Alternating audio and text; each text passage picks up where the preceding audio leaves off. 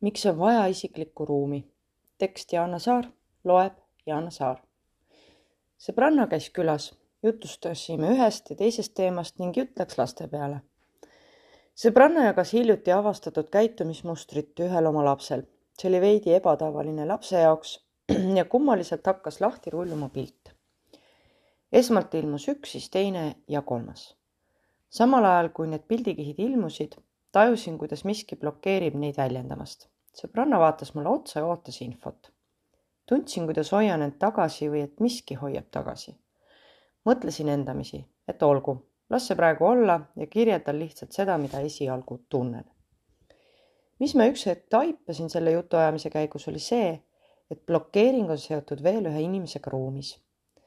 kuna suu, ruum on suhteliselt väike, siis tahtmata kõik kolm mõjutavad teineteist mingil alal tekib nii-öelda ühisväli, kus ruumis viibivate isikute infoenergeetika ühineb. hetkel ma ei laiendaks seda ühisvälja mõtet, sest loomulikult asuvad selles punktis ka muud mõjutused. lihtsuse mõttes jään hetkel kolme inimese juurde. mis tegelikult minuga juhtus?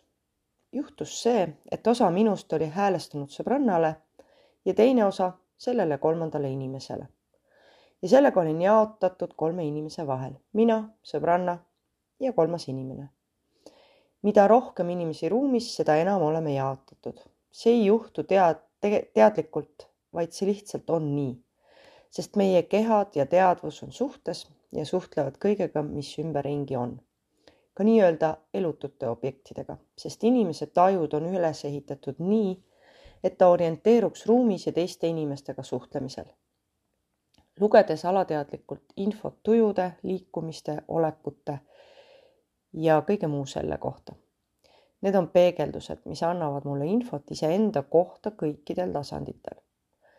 tean seda ammu, aga vahva oli see hetk, kui teadmised kukuvad nii-öelda kehasse ja tekib juurde ka reaalne kogemus tajude tasandil. see on teistmoodi ja annab alati juurde mingi kolmanda mõõtme sellele, kuidas iseennast üksi või kellegiga koos olles tunneme Need on sellised avardavad hetked ja ei kao edaspidi enam kuhugile. see on nagu uus anne või oskus. nii ehk naa on see kogu aeg minuga olnud, aga sellest teadlikuks saamine ongi ju kogu enesearengu eesmärk. muutun osavamaks iseenda ja teiste inimeste tajumisel. seeläbi saan luua suhteid sügavamal tasandil ja mitte maskidega, mida kantakse. ükskord need maskid ju nagunii langevad või ununevad ja tõde tuleb päevavalgele, isegi kui see on vaid hetkeks. aga miks siis isiklikku ruumi on ikkagi vaja? vahel tunnen, et ei jaksa suhelda või kuulata, tekib teatud sorti väsimus, see on teistsugune.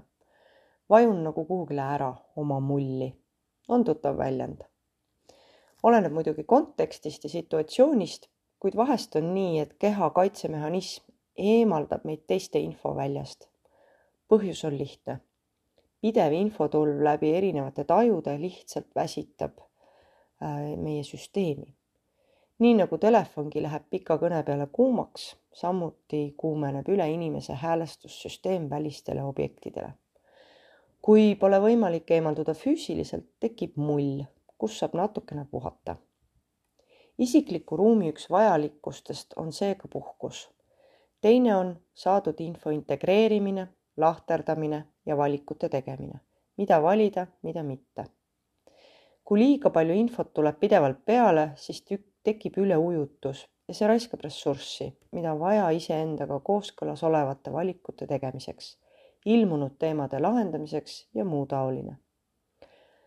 info üle, üleujutuses on raske oma sisehäält kuulda ja end tajuda. teatud valdkondades kasutatakse seda inimese nõrka kohta ära kuid sellest teadlik olles saan kasutada teadlikku eemaldumist iseenda ja väliste objektide, sündmuste ja isikute vaatlemiseks ning valikute tegemiseks. peale valikuid saan tegutseda või otsustada mitte tegutseda. isiklik ruum on iseenda vaatlemise ja kuulamise ruum. kõige lihtsam on luua seda mõneks ajaks füüsiliselt eemaldudes ja olles üksi tegeleda mõne hobi või lemmiktegevusega, et välja lülituda ja tekitada teadlik mullikene, millega sina oma isiklikku ruumi lood ja kui teadlik oled sellest, milleks sa seda vajad, uuri ja avasta. tänan